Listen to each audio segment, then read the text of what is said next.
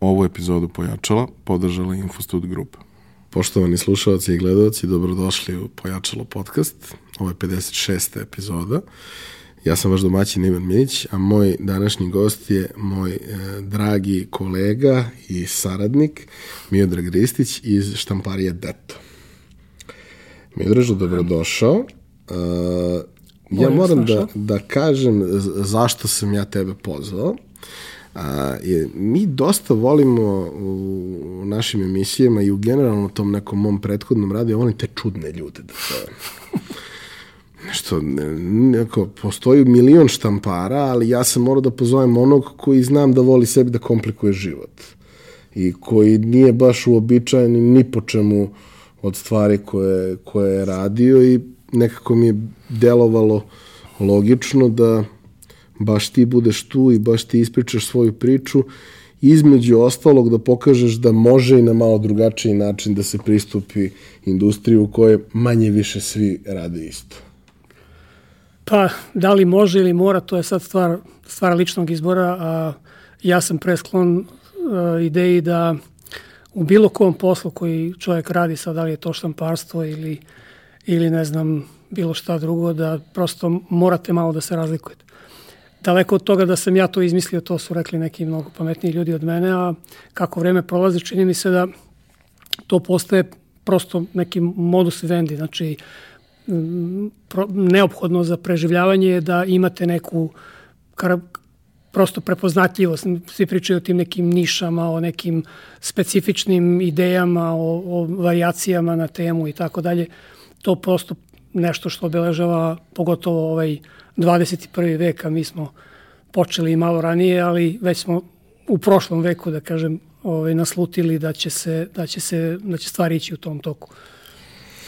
A, kada krenem da se prisjećam kad sam uopšte prvi put naleteo na, na tebe i ono što radite, a, to je bilo zahvaljujući tome što ste vi zapravo dosta vremena a, među prvima krenuli da uložite u to da svoj rad prezentujete online. E, I o tome ćemo dosta pričati danas, ali ono što bih voleo da, da, da napravimo kao uvod u tu celu priču, otkud ti uopšte u toj priči, kako te zainteresovalo da prvo kreneš sa tim poslom, a kasnije da kreneš sa svim ovim internet aktivnostima vezanim uz sam posao?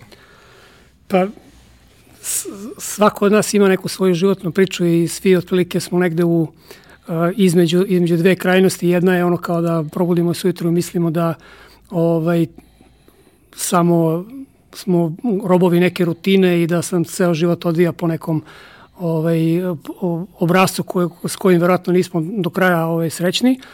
I one druge stvari da eto baš to, na, to naše neko malo životno iskustvo je nešto neponovljivo jedinstveno. Je sad, verovatno da je istina negde između te dve stvari i da ima i jednog i drugog moj život je stvarno imao nekih interesantnih obrta, a opet s druge strane nije nešto se posebno razlikovao od većine drugih ljudi i upravo te neke sitnice možda su to što je opredelilo da će stvari ispasti ovako ili onako. E, kad sam tamo neke 80. neke godine upisivao pravni fakultet, na kraj pameti mi nije bilo, ovaj, pošto sam pre toga završio i tu neku e, školu istog usmerenja, znači ja sam išao tim nekim putem, u mojoj porodici je bilo dosta advokata i pravnika i ovaj, izgleda sam sebe video u tom pravcu.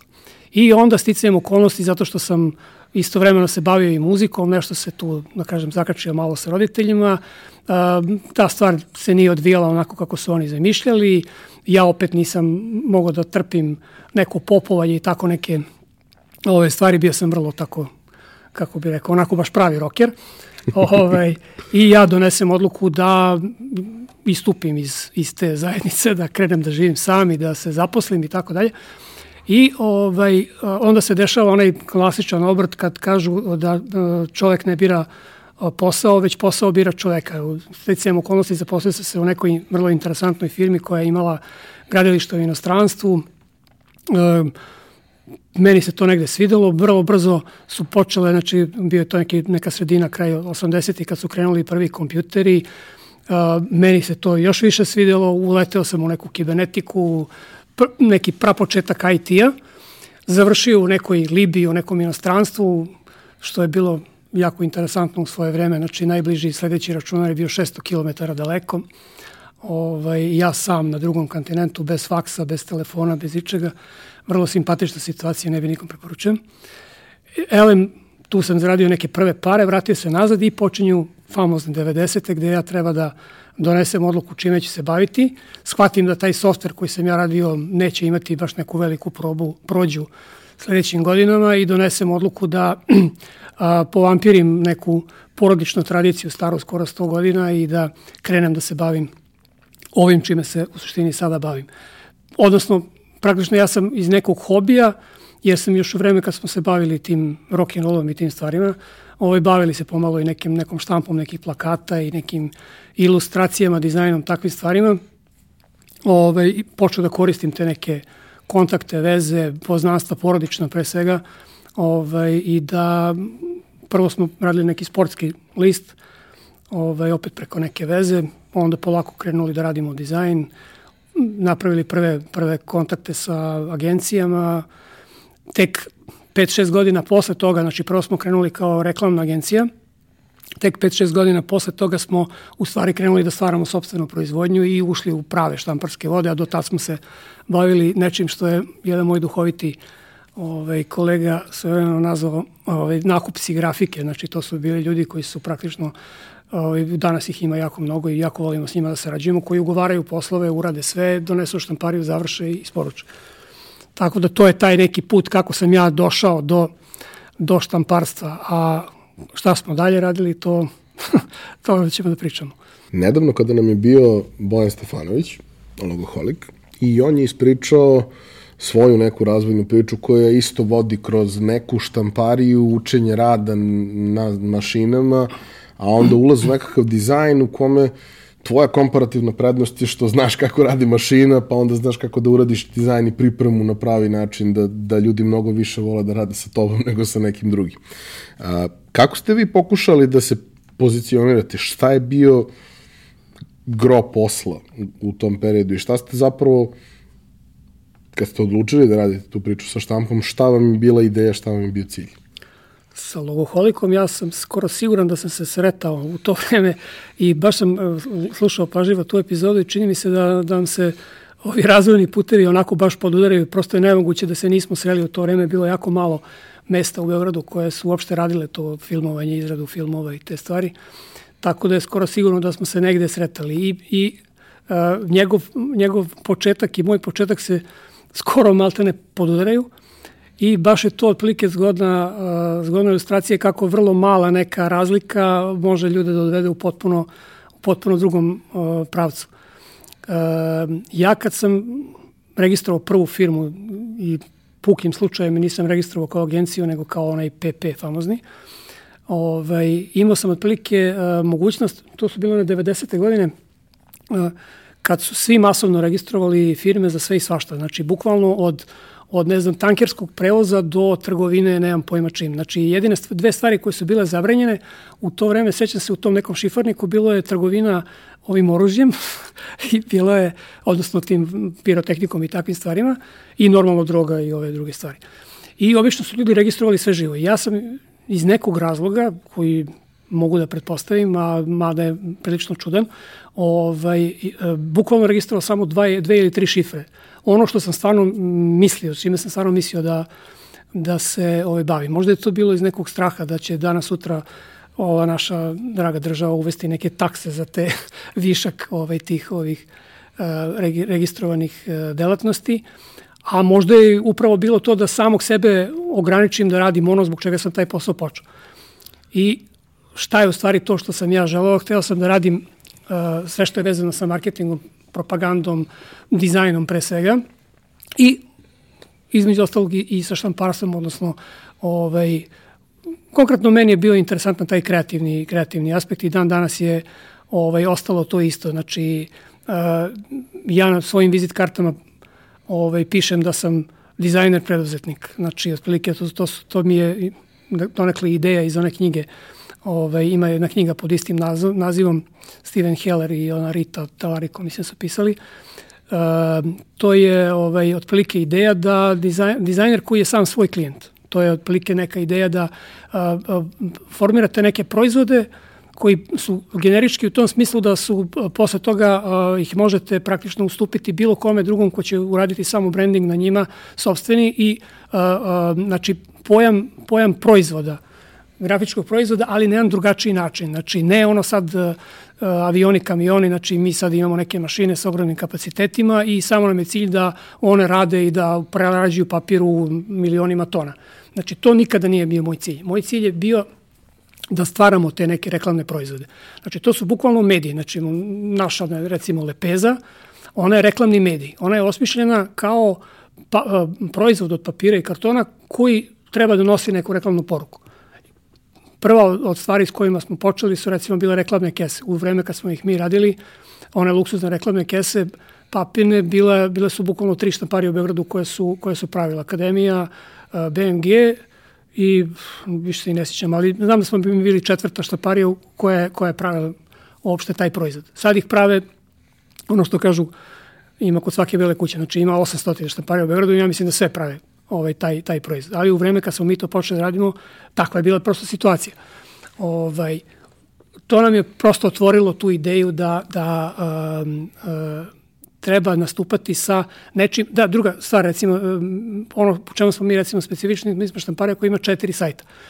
I ti sajtovi su, dva od ta četiri su namenjena, znači, tačno onom nekim mikro uh, sajtovi, znači, koji se bave tačno određenom uh, određenom grupom proizvoda, recimo kutice, kom se bavi samo malom ambalažom raznih namena. Ali je to znači samo mala lak, laka ili, ili luksuzna ambalaža za najračitije namene. Uh, ono što je ideja tih sajtova da se negde nalazi jednoznačno definisan proizvod koji ima, šta znači proizvod? Znači ima e, tačno definisanu specifikaciju i cenu.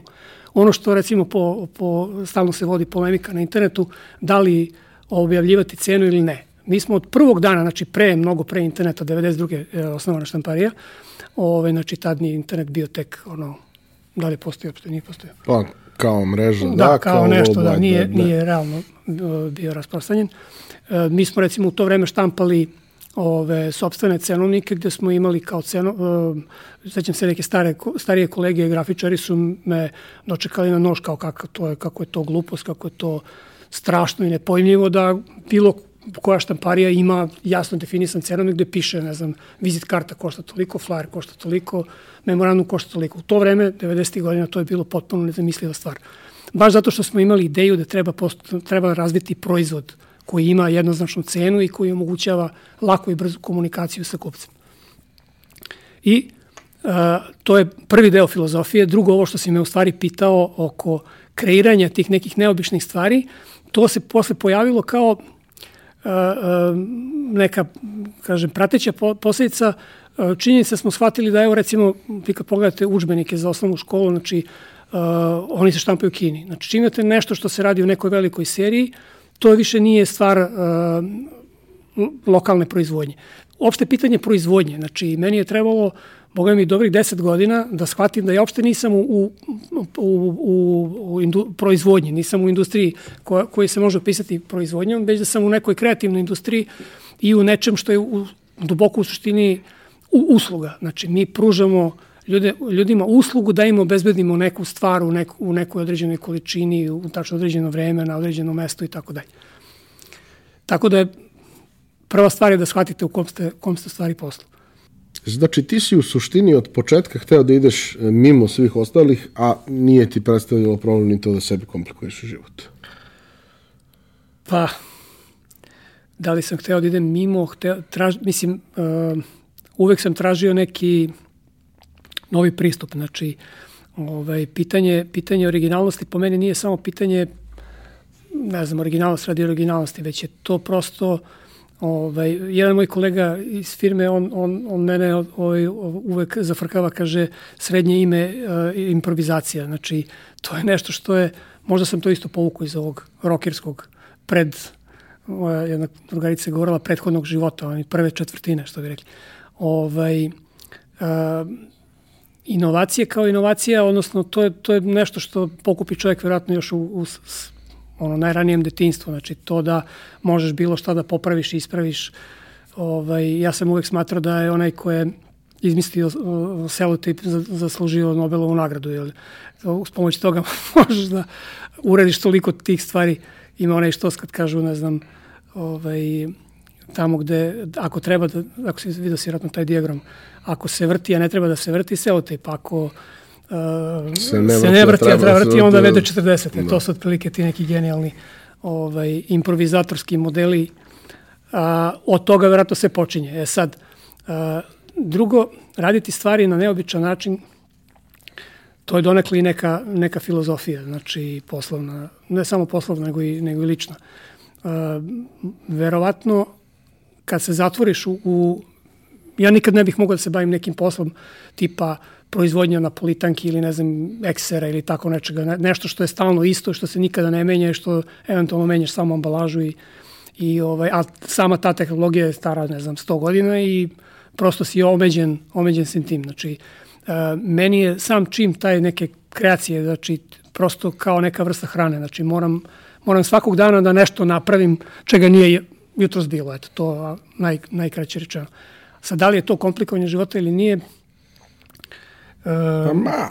Pa možda malo, ali ja to uopšte tako ne doživljam. Ne znam, ovaj, uh, ti si reagovao na onaj neki moj post gde sam ja pronašao neku zanimljivu ideju i rekao neću moći da spavam sad kad sam ovo video, kao moram da rešim to, taj problem.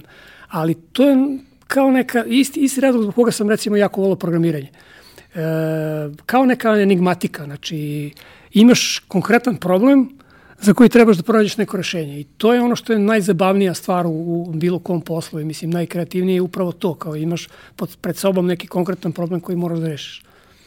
Mislim, prateći te na društvenim mrežama godinama unazad, primetio sam negde da redovno izbacuješ sve te, i na privatnom profilu, a da kažem i na, i na firminim, a, izbacuješ sve te neke nove stvari koje si radio, neke i zbog nekog ličnog eksperimenta, ideje, neke i zbog zahteva klijenata i sve ostalo, ali kao a, time što to radiš, ti meni govoriš da si ti jedan od onih ljudi koje ja mogu da zovem kad treba da mi se reši problem koji je nestandardni.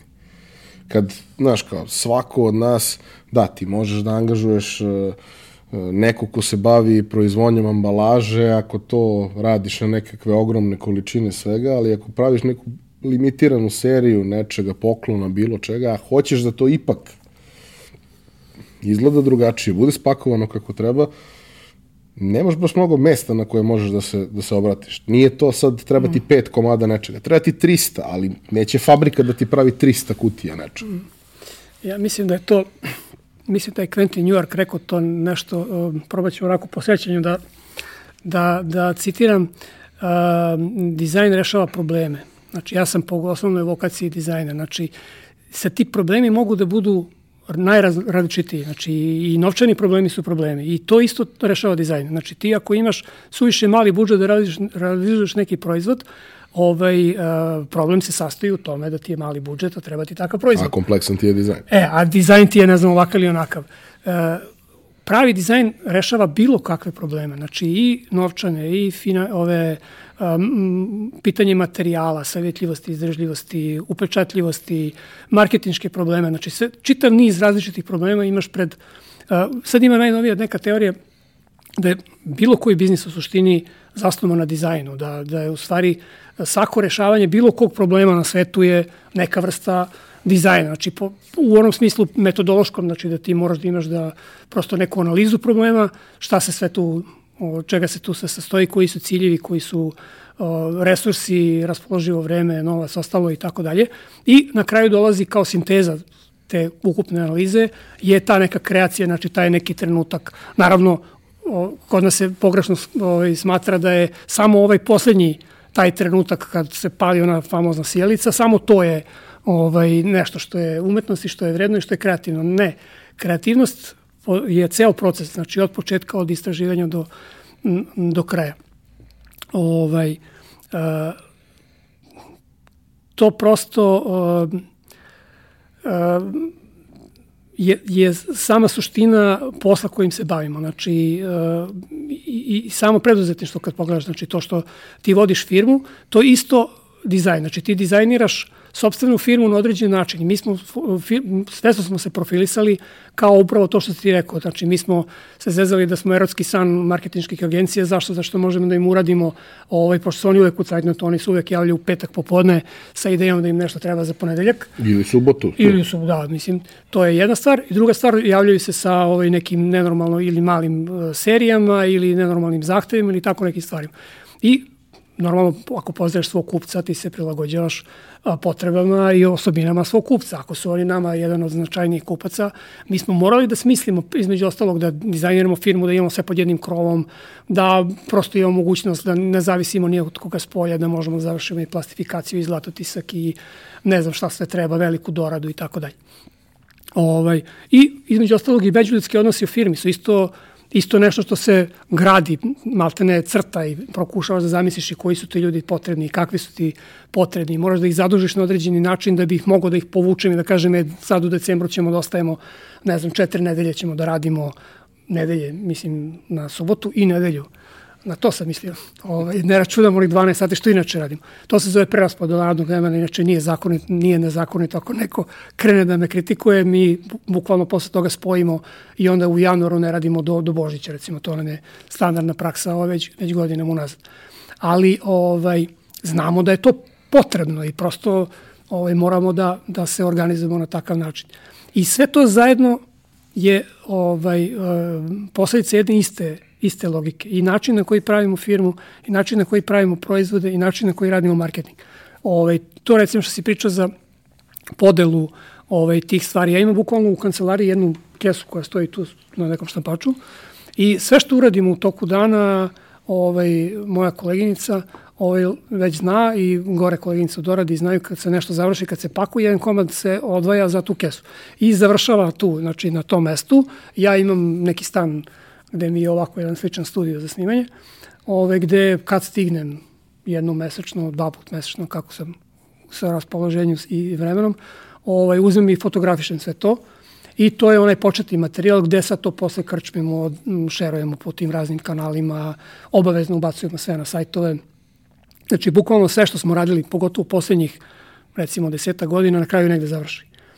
I ovaj, iz dva razloga. Jedan razlog je što su to, znači mi kad napravimo taj neki novi unikatni proizvod, pojavi većina naših klijenata, uh, naših proizvoda su nastali kao konkretan zahtev nekog klijenta. Znači neko je došao i rekao, e, ste videli, ima na internetu kao neka kocka, ti otvoriš ono, pop, iskoči napolje. Rekao, stvarno, kao, aj, idem, prona, prođem, pronađem i otkrijem kako se to pravi i napravim i naravno uradim to, ovaj, čak smo dobili neki uh, srebrni pečat na grafini za, za taj proizvod. Nije, nismo ga mi izmislili u smislu da smo, znači to tek mnogo godina kasnije shvatim da se cijela ta oblast zove, kojom sam mi, mi bavimo intenzivno, zove se paper mechanics.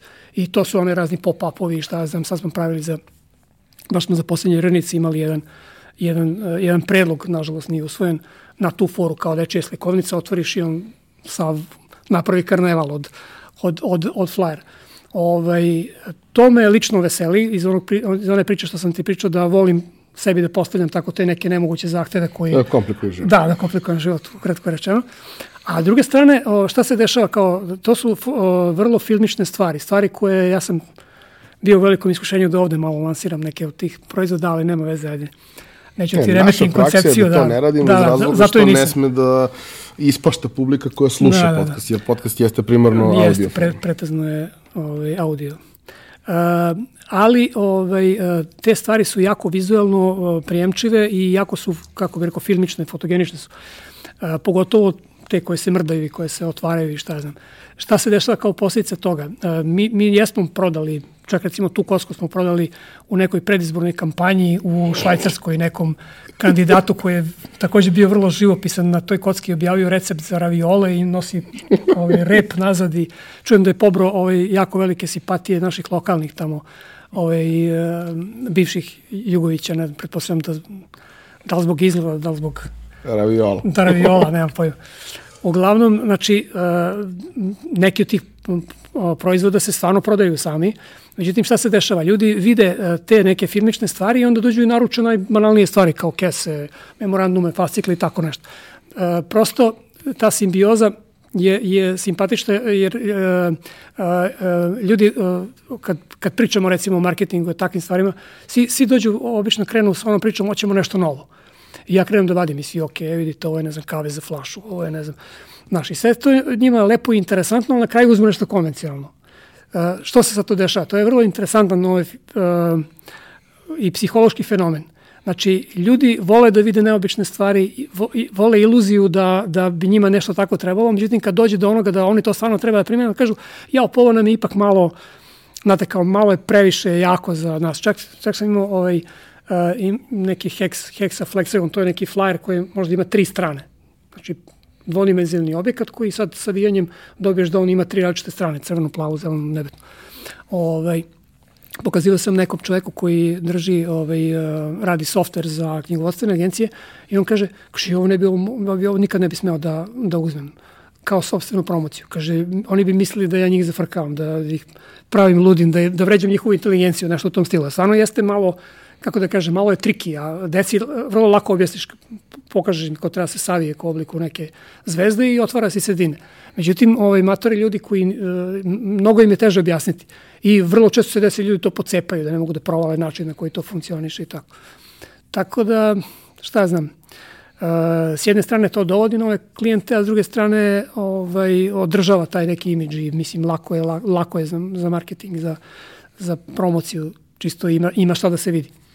Meni je sjajno ono čega si ti krenuo, a to je da, da za neki standardni tip proizvoda, za standardne količine proizvoda, treba da postoji vrlo jasna, precizna, nedvosmislena cena i način na koji se ta cena skalira, jeli, ako je više od, onda je tako i tako dalje. Jer e, gotovo uvek u suprotnom, kad radiš u ovoj industriji, ti moraš da pošalješ upit. Pa onda oni tebi odgovore. Pa ti postave sto i jedno pod pitanje. Pa ti odgovoriš na to sto i jedno pod pitanje. Pa prođe tri dana, da bi dobio koliko koštaju, ne znam, nalepnice koje su nekog nestandardnog oblika. Pominjem nalepnice jer smo ih radili da. upravo jer su nam je trebalo nešto što nije default kvadratna nalepnica, nego smo hteli da ima neki malo... A znaš da te recimo vaše nalepnice sad stoje na našem sajtu i imaju jednoznačno izrađenu scenu za određen broj komada. Da. Znači, upravo to je, to, je, to je logika. Ima drugi jedan problem, zašto smo mi to uopšte počeli da radimo, kažem ti još 90. godina, što je uvek postojao taj neki uh, negativan imidž uh, uopšte zanatlija, ajde ne kažem štampara, nije niko posebno apostrofirao štampare, ali uh, znaš da je bilo ono kao kod, kod uh, u zanatskoj, zanatska praksa kao dođi da te vidim, pa ću da ti kažem koliko košta. E, to je recimo neko pravilo uh, koje uh, sad je evoluiralo ono kao cena u inbox. Otprilike, daj prvo da malo ja vidim ko si i šta si i zašto to tebi treba i šta će tu da piše, pa ću onda ti kažem koliko to da košta. I to je uh, vrlo negativno delovalo na biznis i u, u onom smislu uh, razvijanja poverenja. Znači, uh, štamparstvo je po logici stvari business to business prodaja, znači prodaja nekim kupcima koji nisu ulični prolaznici, znači u velikoj većini, znači dobro, sem nekih izuzetaka, uglavnom radiš sa po navodnicima ozbiljnim ljudima i sa ovaj firmama. Ovaj, e, malo zvuči deplasirao, ne kažem, kao neko ultimativno opšte mesto kad, kad, kad čovjek koji je front na neke firme koja se bavi business to business prodajom, kad krene da priča klijenti su naš glavni aset ili ne znam, kao naše glavno bogatstvo, znači, mislim, normalno o tome se radi, o, o, o tome, mislim, klijenti su sve zbog čega ovo, ovo uopšte radimo i pitanje poverenja je tu ključna stvar. E, to sam ja valjda imao sreću ili intuiciju da, da shvatim ovaj, na vreme i jedan od razloga zašto se ide sa tim ovaj, fiksnim cenama i jasno definisanim cenama. Drugo, naše te cene važe ovaj, čak i za inostranstvo. Znači, meni kad se javi čovjek iz Hrvatske, mi, mi namerno i sajtu, na sajtu držimo, pošto dosta radimo sa regionom, sve naše cene su jednoznačno izražene u evrima na sajtu. I samo piše negde neka napomena da se ne odnosi na transportne troškove koji su normalno takvi kakvi jesu, ali naš kupac iz Zagreba zna da će on našu kesu ili neki bilo koji proizvod fasciklu kutiju platiti isto kao kupac iz Vranja ili kupac iz Podgorice ili bilo koji drugi kupac. E, da ne govorimo o ovim iz malo daljih lokacija. I da jedino u čemu se razlikuje je da objektivno postoje neki troškovi dok se to tamo dopremi, dopremi pri čemu sad su ljudi postali vrlo, ovaj, kako bi rekao, snalažljivi, pa organizuju neke sobstvene varijante kako da dođu da, da smanje te troškove Ovaj, Ma i to često ne mora da bude strašno, Da, to ako je- se ne planira da mora sutra da bude u Zagrebu. Da, da. Pogotovo to što ovaj, oni imaju mogućnost da sami organizuju taj transport, jer je ponekad e, mnogo povoljnija varijanta da e, se uklope, imaju recimo nekog ko već i onako nešto prevozi odavde i oni samo se pojave kod nas i utovare, ne znam, to smo recimo dosta često radili za, za Sloveniju. Ljudi već i onako nabavljaju komponente iz Srbije, pa im je, pa im je ovaj, rade neke one suplemente za ovaj, pošto im je onako sirovinska baza u Srbiji, onda su jednostavno trenutno rešili da, da reše i ambalažu u Srbiji, kada će imaju obezbeđeni prevoz i sve ostalo. I po drastično nižim cenama, jer to je recimo isto ovaj, jedna, jedna od naših velikih prednosti trenutno, što smo mi, pogotovo u odnosu na ovaj zapadni deo Balkana, čak ja mislim i u Bosni, sad trenutno smo u jako povoljnoj poziciji. Evo sad ovih dana razmišljam o tome da jurim neku agenciju, da tražim nekog ko je zainteresovan da proširi delatnost recimo sa ovog um, web marketinga i na štampu, jer mislim da je to sad, i, sad, je, sad ili nikad, pogotovo za, za Hrvatsku i, i Sloveniju. A u kom trenutku si zapravo krenuo sa, sa sajtom prvim i kako su se, koje su sve ostale stvari koje su se razvile umeđu vremenu? Znam za kutice, znam da beše i lepe, nema lepeza, Lepeza lepeza ima sajt. A, šta sve tu postoji kojim redom je došlo do toga i prosto ono kao, to je počelo jako davno, Koja je tvoja logika bila iza toga u tom trenutku kad, mislim, generalno svest o tome ne postoji? Ti jesi, o, očigledno je svega do sad, da si ti jedan neobičan čovek koji se na ne baš standardan način bavi uh, tim poslom, ali prosto i dan danas ja kad pogledam sajtove onih velikih, onih koji se najviše oglašavaju, najviše troše na te neki AdWords, Oni su preslikani, beskrajno su dosadni i imaju istih pet šolja, istih pet majica u, s koje nose istih pet modela i samo je pitanje da li je ovde 7 dinara više, a ovde 7 dinara manje i ako imaš pet proizvoda, da li ćeš da uklapaš gde ti je najjeftinije ili nećeš. Mm. Sa druge strane, tu stvarno kod tebe postoje i taj deo sa anegdotama koje se pričaju i to da svaki proizvod je vrlo precizno, detaljno opisan i da postoji, vrate, istorija toga unazad koja traje jako, jako dugo. reference i ostalo. Pa, ovaj, donekle, šta znam, zanimljiva je ta priča, mislim, e, malo je išla obilaznim putem. Ja, je, mi jesmo napravili sajt odmah tamo kad čim su počeli se pojavljati neki komercijalni sajtovi, napravili smo ga koji svi ovaj, na, na bazi nekog prija, privatnog prijateljstva, neke prijateljske linije, neko je napravio neki sajt, ono standardan four page, five page, koliko je bio, nemam pojma, ono najosnovnije, što ti kažeš, kao i što dan danas imaju većina ove firme imaju te sajtove razglednice. Ovaj, I to je tako životarilo negde u nekom zapećku. U to vreme smo se bavili ovaj, marketingom na vrlo kreativan način, ali na sasvim drugu stranu. Tad su još i e-mailovi bili ovaj, tek u povoju, ali mi smo ovaj, krenuli u to recimo neko spamovanje, to sam jednom rekao pa me ovaj Peđa ovaj, kritiko, mi smo spamovali ljude faksom u to vreme recimo. Ovaj, E, znači, ljudi nisu imali mail, mislim, nismo, nismo mogli da ih spamujemo, većina ljudi nisu imala mail, su u to vreme su imali faks. I mi zaposlim, ovaj, zaposlimo sekretaricu da sedi noću i da pušta na brojeve iz telefonskog imenika, pušta našu ponudu, naš cenovnik ljudima na faksu i dođe i zatekne uvetru ovaj, roldu sa našom ponudom i sa uzorcima i s takvim stvarima. Ovaj, normalno, posle kad su malo zaživjeli ovi mailovi, opet smo morali da budemo kreativni, pa smo ušli u tu priču i sa te nekim harvesterima i sve to nešto, jer tad, moram da se ogradim, tad to još nije postojalo kao ni krivično delo, ni, niti je postojala svest o tome da tu nešto nije dobro, jer prosto je to bila neka novotarija gde su se ljudi obradovali kad im neko piše, pa makar i spam da dobiju. I sad ima ljudi koji se Da. obraduju kad im stigne. mail. Ovaj, tako da je jedno vreme i to funkcionisalo i tad, tad smo recimo počeli da radimo sajmove, um, bukvalno smo vadili ovaj, a, mailove ljudi koji su učestvovali prošle godine na sajmu i slali smo im, ovaj, pravili smo prosto grupu, sajamske grupe i njima smo slali ovaj, ponudu pred mesec, dva dana pre sajma da, da u, u fazi kad smo ocenili da oni se pripremaju za sledeće učešće, pa smo onda to malo proširili, pravili smo neku bazu na druge koji bi se možda mogli pojaviti na tom sajmu ili kao posetioci ili kao izlagači. I onda jednog trenutka e, sam ja shvatio da to sa tim ovaj, spamovima više neće da može i da ovaj, naravno faksovi su već otišli bili u istoriju, što je to lepo kako se naravno ta tehnologija menja ekspres brzo. Ovaj, I onda smo počeli, onda sam priglavio blog.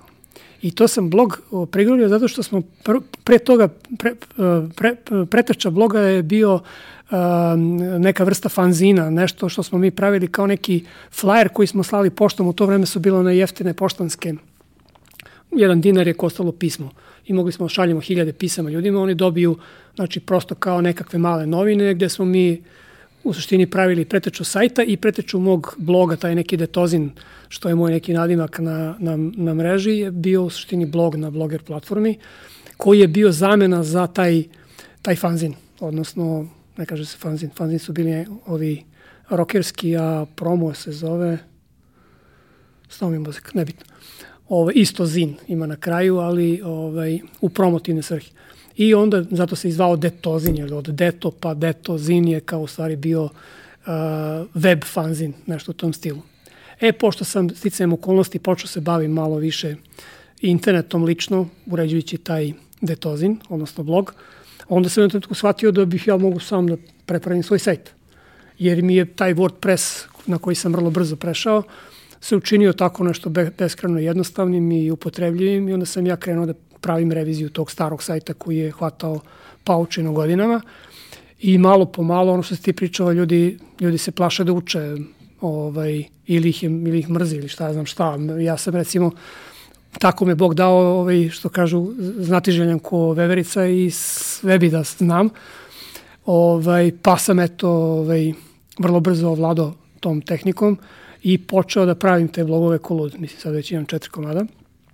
Ovaj prvi, deto je naravno najambicioznije pravljeni, ovaj, pravljenje baš po tom sistemu da predstavlja katalog svega čime se mi bavimo, da je to zidnje opet nešto između, on je, on je nešto kao blog sekcija uh, uobičajenih uh, ovih um, na uobičajenim sajtovima koji sam ja vrlo brzo napustio, znači nisam poštovao ono Varagićevu uputstvo da čovjek treba da se striktno drži jedne stvari i to mi nikad nije ovaj, pilo puno vodu, jer sam shvatio da ljudi moraju da pokažu određenu širinu, pogotovo ako je imaju, jer je to zatvaranje u te fah idiot ovaj, ideje prosto kontraproduktivno. Znači, ne možete fascinirati ljude ako se bavite samo jednom temom i samo vrtite jedno te isto. Znači, prosto morate malo da, da on, pogled, napravite neki pogled sa raznih strana. No, mislim, poseban, poseban moment u celoj priči je to što ste vi mali, mali. Vi ste pojedinci, ljudi prepoznaju tebe, prepoznaju možda tvoje kolege s kojima su bili u, u neposrednoj saradnji. Neće nekakav ogromni sistem da piše ličnu priču, jer, Naravno. mislim, ogroman sistem nema ništa lično, oni sve što A, je lično sa seku, ali... A vidiš, recimo, to je jedna od ovih naših uh, lokalnih zabluda koje se prenosi i onda uh, ovi naši guru i marketinga dođu i kažu kao ne, ni pošto ne smeš da pričaš o, o sobstvenom poslu na privatnom nalogu, ne znam, na Facebooku ili, ili negde.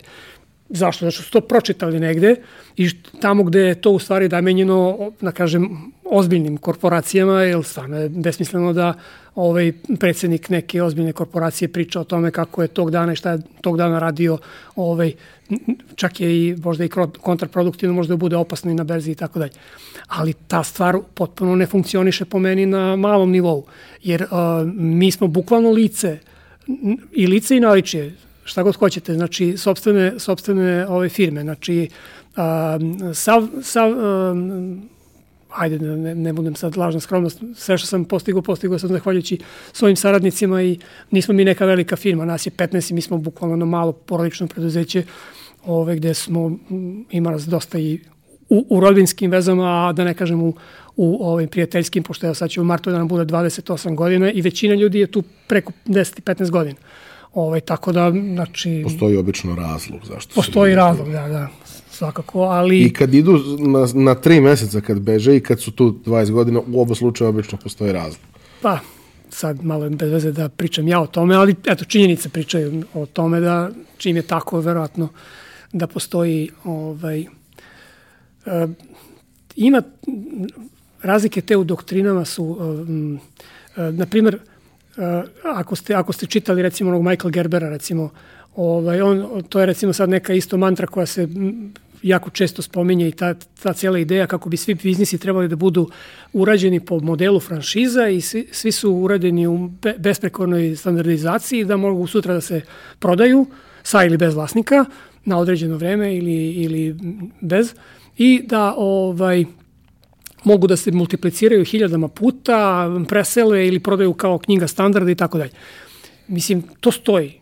Znači, to, to je apsolutno jedan od mogućih scenarija, ali kad vam neko prodaje to kao ono, sveti gral, to je, to je tako i nikako, to je onda bullshit. Mislim, jel, postoji hiljade načina na koji, na koji uh, posao može se vodi i to je ono što je najlepše u tom poslu. Upravo pričamo o ovoj, uh, znači, uh, meni su bili, ovaj, sad će da se zaplaču ovi startupisti, meni su bili iz austrijske firme koja se bavi akvizicijom, bavi se u stvari snimanjem ove knjigovodstvenim firmi koje se mogu prodati ili ovaj, kako to oni kažu, primiti investiciju i tako dalje. Znači došli su ime nemačke, velike nemačke kompanije da vide da smo mi zainteresovani da to prodamo. Možda su oni došli u špinažu, ja ne znam, nebitno je. Ali ja sam im odmah na, na ulazu rekao da od toga nema ništa, znači da ova firma jednostavno nije i nikada neće biti na prodaju. Ove, ovaj, sad osjećam kako ovi cepaju košulje i pošto je sva ideja tog startup biznisa je otprilike što pre doći do tog nekog nivoa da vas neko kupi. Moja filozofija poslovna je znači, potpuno diametralno suprotna od toga. Znači, pravimo jedan entitet čiji je cilj da ostane u porodičnom vlastištvu dok to bude bude takvog interesa i jednog dana kad više ne bude i kad ne bude mogo da se radi, on će se ugasiti i to je tako kako jeste.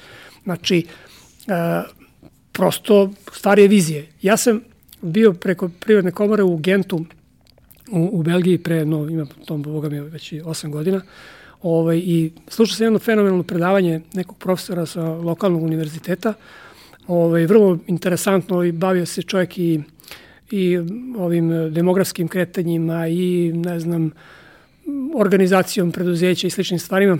Sve i svašta je on tu dotakao. Uglavnom, gledajući budućnost i globalizaciju te neke aktuelne trendove koji se dešavaju u, u svetu. I u jednom trenutku je postavio onu ta, čuvenu sliku sa onim stepenicama razvoja preduzeća od, ne znam, male zanatske radnje, pa onda svaka sledeća stepenica ide do multinacionalne korporacije. I rekao jednu stvar koja je mene, ono, baš me pogodila. Dala je odgovor na nešto što, o čemu sam ja tragao, o čemu sam razmišljao u to vreme intenzivno. I rešio mi jednu dilemu. Rekao je, E, dešava se i to neretko da ljudi, odnosno vlasnici, e, popnu se na neku stepenicu i da onda posle toga siđu stepenik niže, zato što su se zatekli u nekim okolnostima koje su izvan njihovih kompetencija ili prosto ne odgovaraju njihovom afinitetu i njihovoj želji njihovoj viziji. Kažu, nije to za nas, hoćemo da ostanem na nivou, ne znam, ovom kojem sam, kojem sam sada. Ja sam se savršeno našao u toj, u toj njegovoj ovaj, rečenici i shvatio sam do, do tog momenta sam mislio da je to da treba da osjećam neku grižu savesti ili šta ja znam, za, da, da postoji samo jedan put koji, koji, kojim to ovo može da se razvija, a onda sam shvatio da sam u stvari ja taj koji određujem kako će ovo funkcionisati i rekao sam, ok, bit će tako i to je to. Dok ja to radim, bit će tako, a posle kad neko drugi bude radio, on će možda imati neku drugačiju viziju. Nije, ja zaista ne mislim da je problem malih firmi e, njihova veličina primarno da je to najveći problem koji oni imaju. Najveći problem su želje i očekivanja ako ne mogu da se realizuju, ako ne postoje kapacitete da se realizuju. Ako je neko mali i želi da bude veliki, to je problem. Ako je neko mali i odgovaramo da bude mali, to je sasvim u redu. Moramo da spomenemo ono što nerado spomenjamo, a to je okruženje. Znači, a, moja firma je u svoje vreme i to u nekom, neka na prvi pogled mnogo gora vremena od ovih današnjih, imala dva puta više zaposlenih. Mi smo tamo u onim jezivim 90-im, čak u vreme hiperinflacije, imali ovaj, u jednom trenutku 30 zaposlenih kad saberem terenske komercijaliste koji su radili na procenat i kad saberem ne znam tamo koliko je bilo žena u doradi i sobstvenu sito štampariju i šta znam. Znači firma je bila dva puta veća, ali je isto tako činjenica da, da brojčano, ali isto tako činjenica da ljudi danas imaju 10 puta veće plate ili ne znam koliko puta veće plate nego, nego što su imali u to vreme ili, god, ili kasnije godine.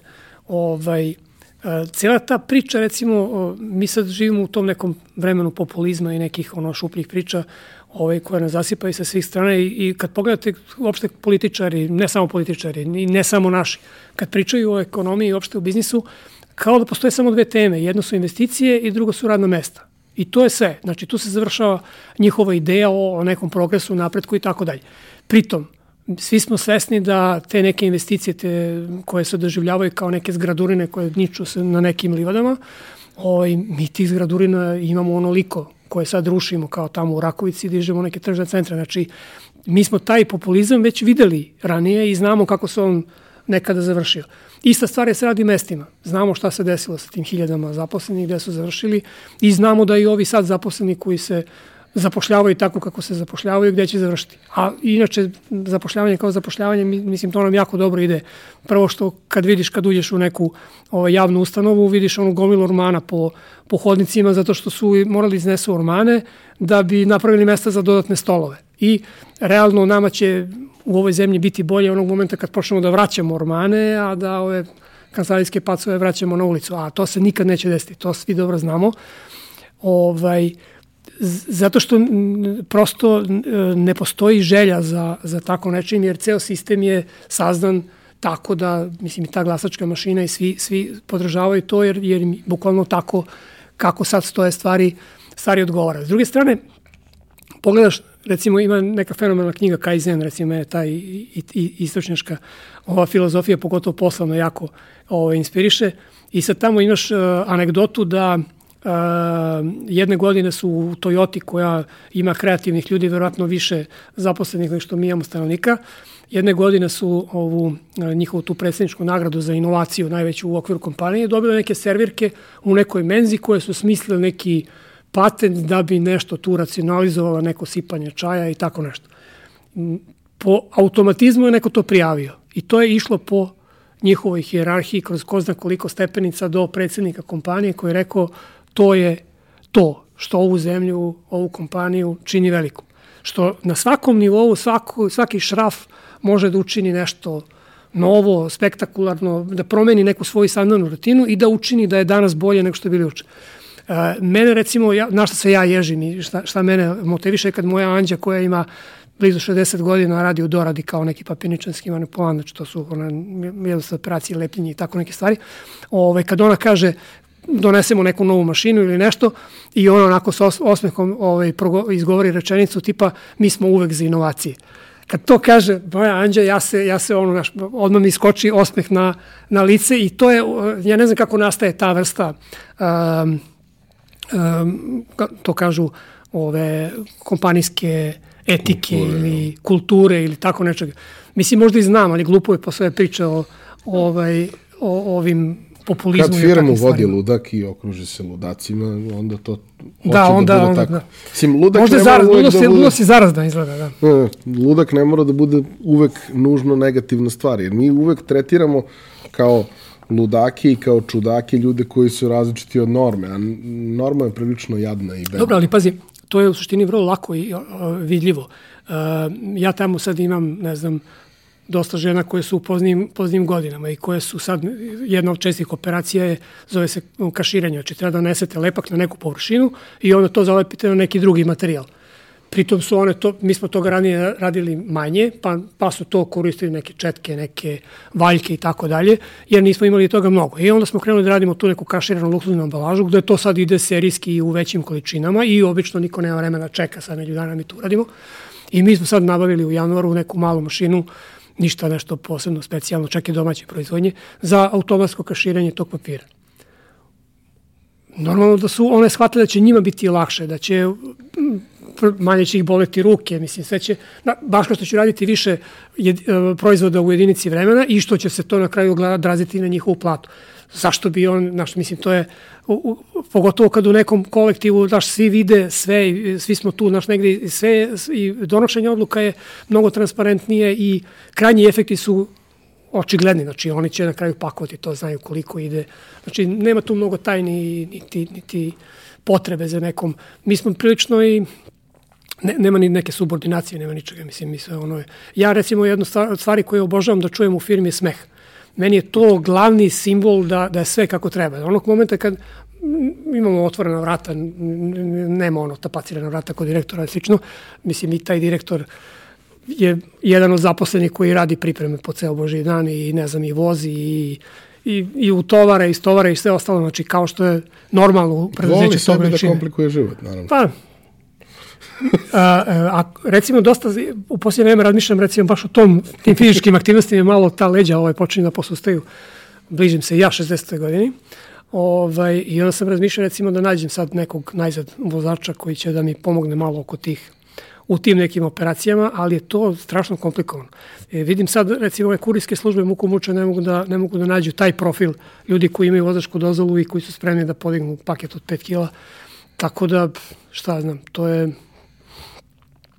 Ima još mnogo toga da se radi i ovaj, da se usavršava ovo, sve nešto. Jednu vrlo zanimljivu stvar sam čuo juče ili prekriče sam gledao gostovanje profesora Zeca uh, na N1 i gde je isto priča o tome kako investicije subvencionisane koje se kod nas dešavaju i sve što uz njih ide i sad da je jedna upravo od vrlo čestih e, argumentacija tržište rada, mi ćemo sad ova fabrika ako se otvori, to je ne znam 8000 varilaca ili 500 varilaca i to će biti, to će biti traženo tržištu rada i onda će neki Niš, Leskovac, Vranje, nije bitno, tamo će sve škole, to, znači tržište rada, to traži. On kaže, zamislite samo, evo ovako zamislite situaciju stvari. Ovaj, Mihajlo Pupin, kad se rodio, tržište rada je tražilo čobana. Tržište rada njegovo lokalno tražilo čobana. Ali on čovek je imao neke drugačije planove u životu i onda je došao do toga da bude profesor na Kolumbiji i jedan od najznačajnijih naučnika prve polovine 20. veka i, i tako dalje i tako dalje. Ali kao, ako gledamo samo tržište rada u tom trenutku, ono traži nešto če, za, za čim postoji, dakle, za što postoji vrlo aktivna ponuda, ali to nije, to nisu poslovi koji dodaju bilo kakvu vrstu vrednosti u celoj priči. Ti samo dobijaš da radiš i e, manuelne poslove koji su ovde jeftiniji nego što su da. negde drugo. Ti dobijaš poluproizvod koji sastavljaš i tu više nema nikakvog znanja, umeća, niti bilo čega. Kaže, to je posao za koji nema. Ne školuješ se 10 godina da bi ga radio. Imaš obuku od 3 dana nakon koje radiš. Ima tu jedan veći problem što svi ti poslovi su na izdisaju, svi ti poslovi koji su danas došli nama, sutra će otići, ne znam, u Albaniju ili u, nemam pojma gde. Na prvo sledeće tržište koje je jeftinije. Ne, ne samo to, nego ovaj, e, da li neko stvarno misli da će se tim kablovi na kolima i dalje motati ručno ovaj, za, za 10 godina. Znači, to je robot koji, će, koji je već smišljen, samo trenutno nije još uvek dovoljno ekonomičan, ali će vrlo brzo postati ovaj, i, i, jednog, i mislim, izbacit će se čitave, čitave, genera, čitavi, čitava zanimanja. Znači, ovi razni vozači, danas, sutra kad počnu automobili sa samo navođenjem kamioni, čitava zanimanja odlaze u penziju, znači preko noća. E, ali da vidim da ide po ovom putu. da ga vidim da ide po ovom putu. Napravit će neku specijalnu terensku verziju za, za ove naše pute. Šta se dešava kad is... upadne u rupu i blato i, da. i vodu i sve? Onda dođe drugi sa, sa ovim robotom koji će da ga izvadi. Ovaj, ne, to, to sa zanimanjima, to se vidi već sad. Mi, ja sam ti pričao sad dok smo se dok smo pripremali se za ovaj razgovor, nama se sad recimo dešava iz, iz Hrvatske da preko noći nam stiže ogromna količina posla, mnogo više nego smo imali godinama unazad, iz prostog razloga što se ljudi sele za boljim poslovima, idu za tu Irsku ili već gde idu Nemačku, nije bitno i njihova, njihova industrija ima povećanu potražnju. Meni se desilo nedavno da ja izgubio sam jednog kolegu i da teško mogu da zamenim drugog ovaj, sa nekim drugim. Znači, te, te, onda tehnologija pokušava da popuni te rupe. Sve nove mašine se prave, recimo te neke digitalne štampe. Evo, pre ovog sastanka sam pregovarao oko, oko nabavke neke, neke mašine čiji glavni kvalitet je, nije, nije u kvalitetu štampe, otiske i toga. Glavni kvalitet je što vam više ne treba opštat mašinista, što možete da stisnete dugme i što to može da uradi bilo koji, da ne kažem fah idiot, znači može da napravi neku pripremu, stisne dugme, ono izađe. Znači to je, to je, to je nešto što tehnologija rešava. Sad, ta tehnologija s druge strane dovodi do neke debilizacije, znači dovodi do toga da su ljudi sve manje ovaj, kako bi kompetentni za, za to čime se radi. Znači, vi već ne možete da funkcionišete bez servisera, bez, bez znači, postajete deo nekog sistema gde ste danas sutra ucenjeni ako vam ta tehnologija izlazi, vi morate da nabaviti novu, ulazite u nekakav neke beskonačne kreditne aranžmane iz kojih više ne možete da se iščupate. O svim tim stvarima čovjek treba vrlo zrelo i ozbiljno da raz, razmišlja. Ja sam recimo godinama se opirao, sve dok nisam ovaj, shvatio da imam rešenje za neku tu situaciju i da ovaj, neću funkcionisati kao i drugih 3-4 stotine ljudi koji imaju iste takve mašine i rentiraju ih, odnosno prodaju ih na otisak. Znači, kao što ni, ni do sad nismo radili, tako nećemo raditi ni kad budemo krenuli sa tom digitalnom štampom, već, već razmišljamo koji su to proizvodi koji će nam to omogućiti da pravimo nešto novo što do sad nismo mogli, zato što nismo mogli da radimo u tako maloj seriji ili tako brzo ili već u tom stilu. I to je način na koji u principu po meni svako ko se bavi privatnim biznisom treba, treba da razmišlja. Ne sad, ima jedna jako dobra stvar, ovaj Jonas Rieder Stroll ili kako se to izgovara, nemam pojma, nikad nisam znao pošto je neobično švedsko prezime.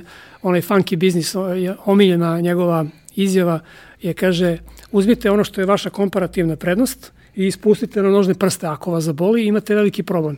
I to je to, znači bilo koji hardware, bilo koje parče opreme, E, mašina, alata, bilo čega. Danas je glupost prevaziđena. Znači, vi to možete lako da nabavite, da iznemite, da iz, iskopirate, da vam neko napravi ako je, ne znam, to nešto zaštićeno, patentirano, šta znam, mislim, čak i u da ne kažem kinezi će napraviti preko noći jeftiniju kopiju tog nečeg što ste ovaj, ja jurim neki, neki deo za, za što su napravili, Izraelci su napravili, patentirali su za 7000, sad upravo, upravo pokušavam da nađem 3-4 puta jeftinije u Kini, još, ni, ali, još nisam, ali sam na toliko mesta dao ljudima ideju da to treba da, da pravi. Da će za par meseci da je, biti sigurno. Da je pitanje vremena kad će se to pojaviti. Ovaj, upravo tako, zato što su videli da postoji potražnje i što njima to nije problem da naprave. Ovaj, ali ono što, ako vam je komparativna prednost nešto suptilno, nešto neuhvatljivo, znači neki um, ne mogu ni da opišem šta, znači ili ta neka ništa ili neki jedinstven proizvod koji danas ideja. jeste sutra nije, ideja, uh, pristup, uh, odnosi međuljudski u firmi koje vam omogućavaju da uradite nešto što neko drugi ne može i tako dalje.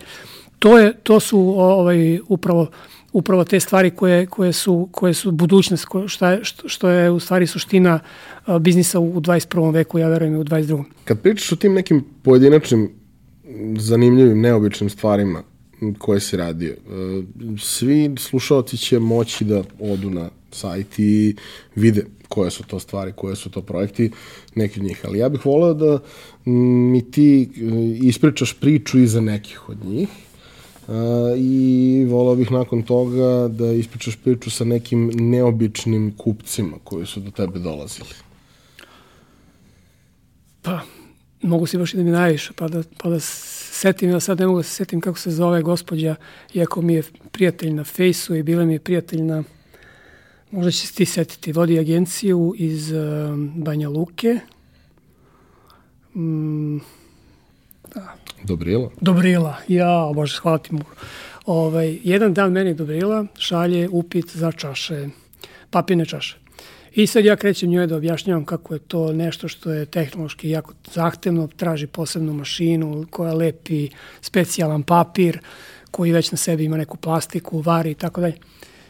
I u trenutku dok ja to njoj objašnjavam, meni padne na pamet pa kao ona je 50-a koja me to pita.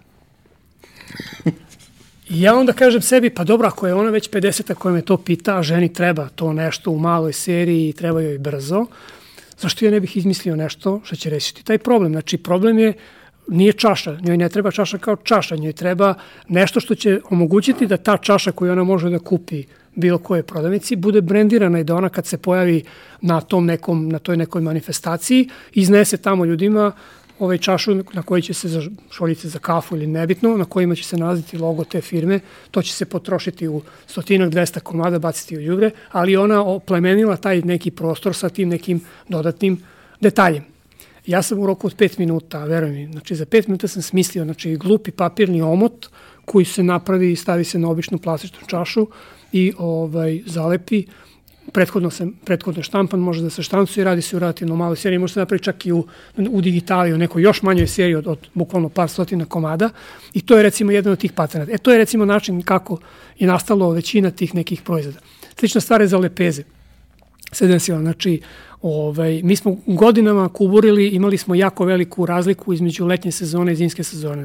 Zimi se ubijamo, znači već tamo s jeseni počne pakao, znači kad, kako deca krenu u školu, svi se vrate u normalnu situaciju, počnu sajmovi, sajem za sajmom, ta, ta, ta, ta, ta, dolazi nova godina, raspad sistema, onda posle toga prolećni sajmovi, do letnje sezone kad se završava ta neka gužva i ljudi ovaj, se raspuštaju, počinju, počinje sezona godišnjih odmora. Nama je bukvalno se dešavalo strmoglav ovaj posla negde početkom juna i traje, boga mi, do kraja avgusta.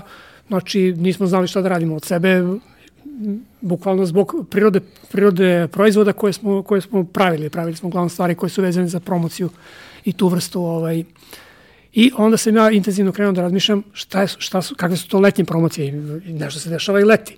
Znači, dešavaju se i sportske manifestacije, dešavaju se i razne te kobasicijade, slaninijade, svuda se nešto dešava. I jad. I jade, da. Hi, hiljade i hiljade tih. I ove, šta bi mi mogli ove, da radimo za to? I krcne meni, pa kao dobro, ljudi idu na, na more, idu na turizam, šta znam, hajde probamo da radimo nešto što što će da predstavlja, upravo u tom trenutku se dešavalo ovaj karneval u Panču koji je karakterističan za, to je naša lokalna ijada, pančaški karneval, I ja, meni kvrcne kao super, mogu bi da napravim nešto vezano za karneval, što će biti istovremeno i ovaj, reklamni proizvod za sve te neke manifestacije, prototip za te manifestacije, a moći će da posluži i za promovisanje firmi na takvim manifestacijama.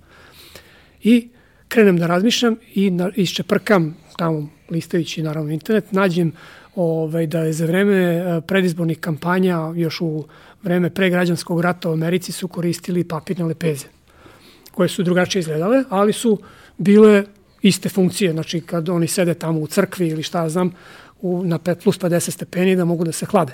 I onda su to pametni ljudi u marketingu iskoristili da promovišu ove predsjedničke kandidate i to rade valde dan danas. Ovaj, I tako je krenula ta priča ovaj, sa lepezom. Mi smo toga, mislim, ni glupljeg proizvoda, ni većeg uspeha. Mislim, smo oko par miliona do sad toga napravili, ovaj, iako je to vrlo jednostavan komad kartona sa nekim, nekim kartonskim ojačanjem i nekom etiketicom koja služi da može da se okači preko ruke ako nemaš džepove ili torbu.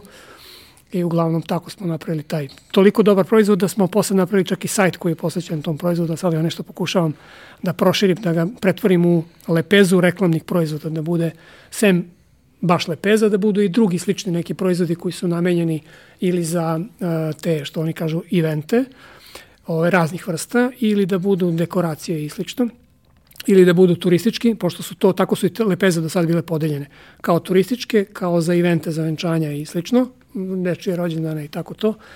I ova treća varijanta, najznačajnija, mada to moram da priznam da nisam pretpostavio da će biti, se pojaviti, a pojavilo se da otprilike odnos 10 prema ovaj, 2 u odnosu na korporativne te koje se rade sa, za promociju brendova i, i ovaj, kompanija ovaj, to bi bila ta neka treća, treća kategorija reklamnih proizvoda, tih specijalnih, što ti kažeš otkačenih, koji su namenjeni za promociju.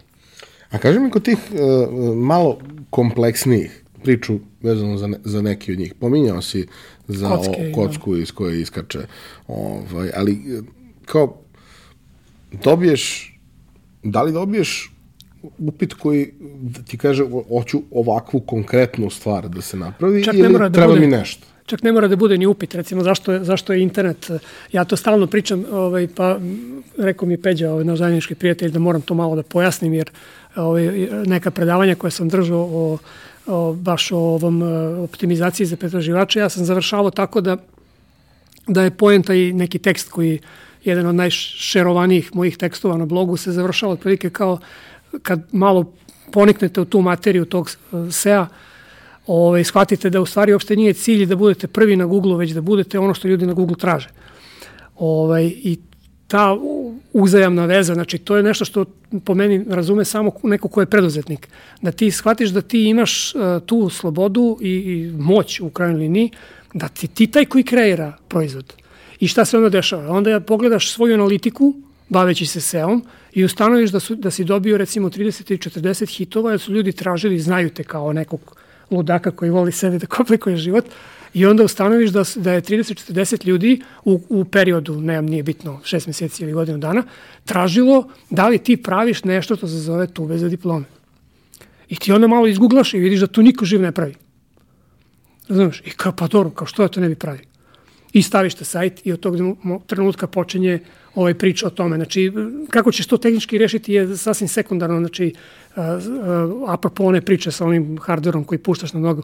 Znači, tehnički problemi, da parafraziram, mislim da je to Cage rekao, ovaj, tehnički problemi više nisu ozbiljni problemi. Svi tehnički problemi su vrlo lako rešivi.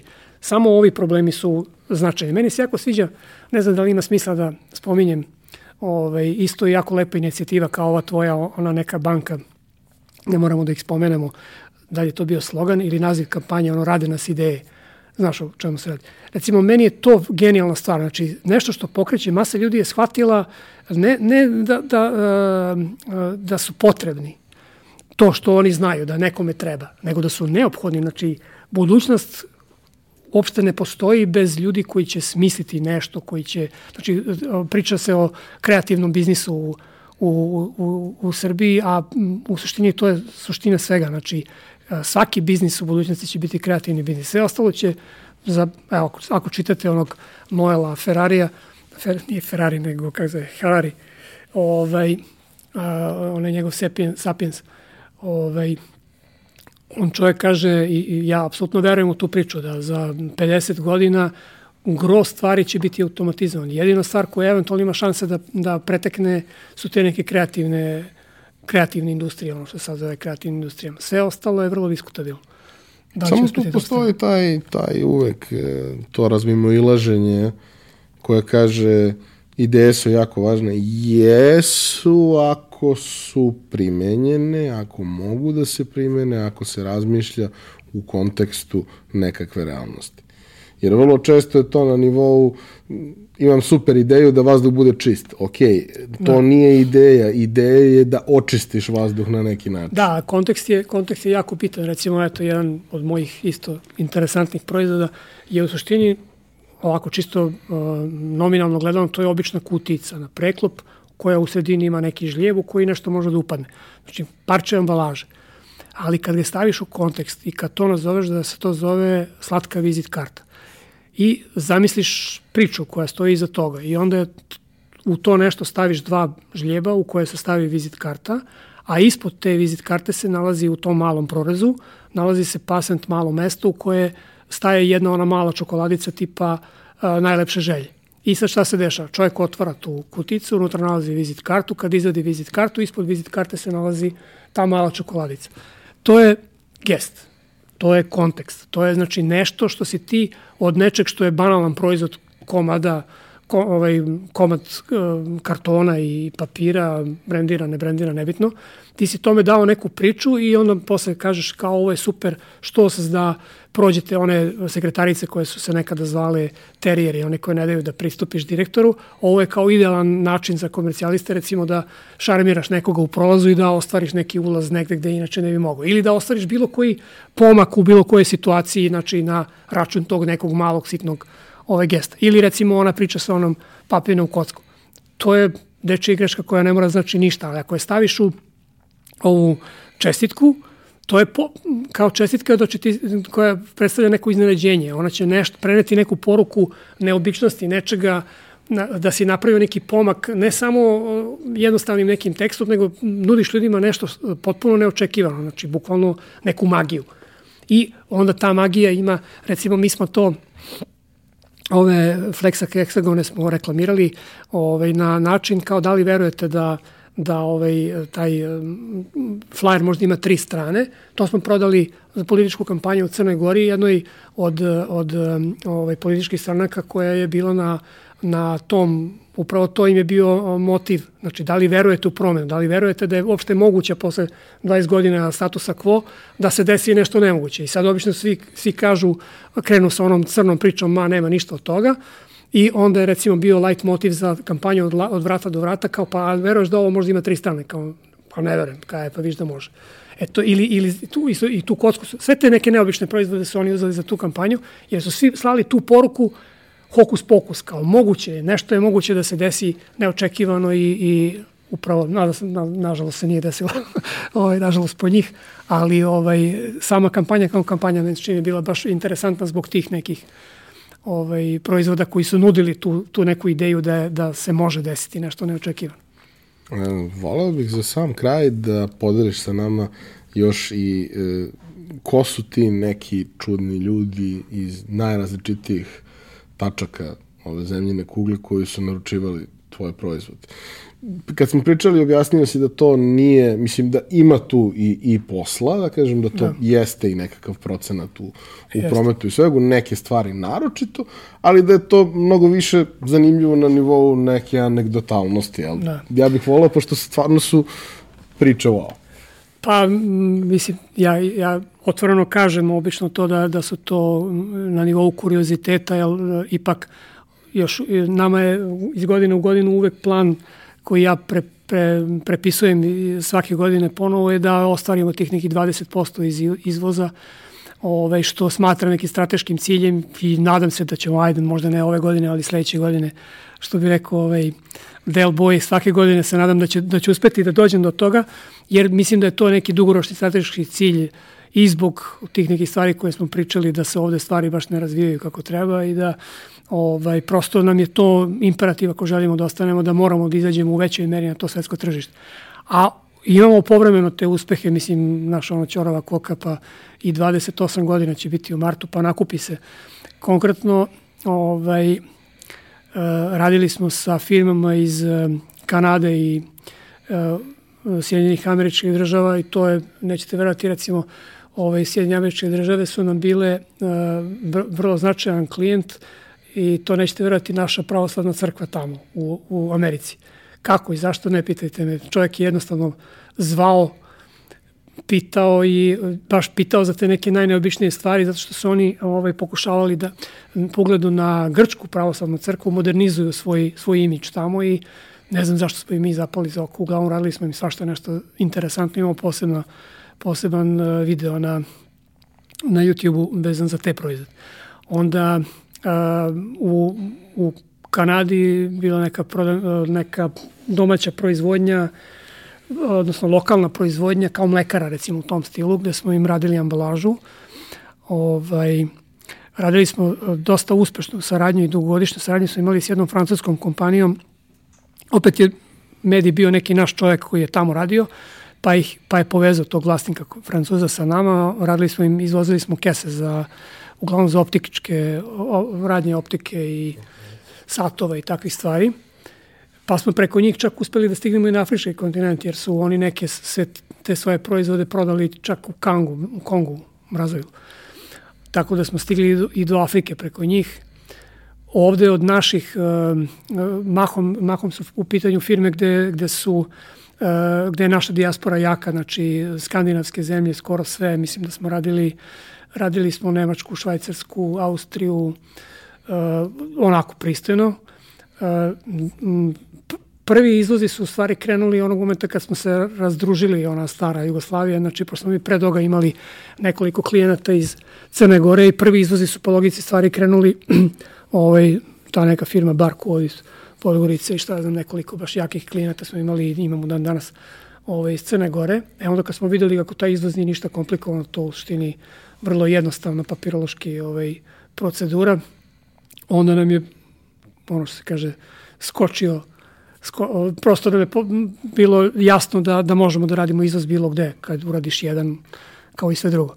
Ovaj, onda smo počeli da radimo, na kraju sad posljednji, posljednji ovaj, a, dometi su nam Australije, znači radili smo opet za jednog našeg čoveka koji otvara neke rudnike po Srbiji, ali je registrovao tamo ovaj, kompaniju iz nekih opet političkih i ne znam kakvih razloga. Ovaj, pa smo onda radili znači, za tu predlanciranje tih njegovih firmi na, na njihovoj berzi. Radili smo kompletan ovaj, dizajn, total dizajn i svašta nešto, neke posle promo materijale za sajmove neke po, po svetu i tako dalje.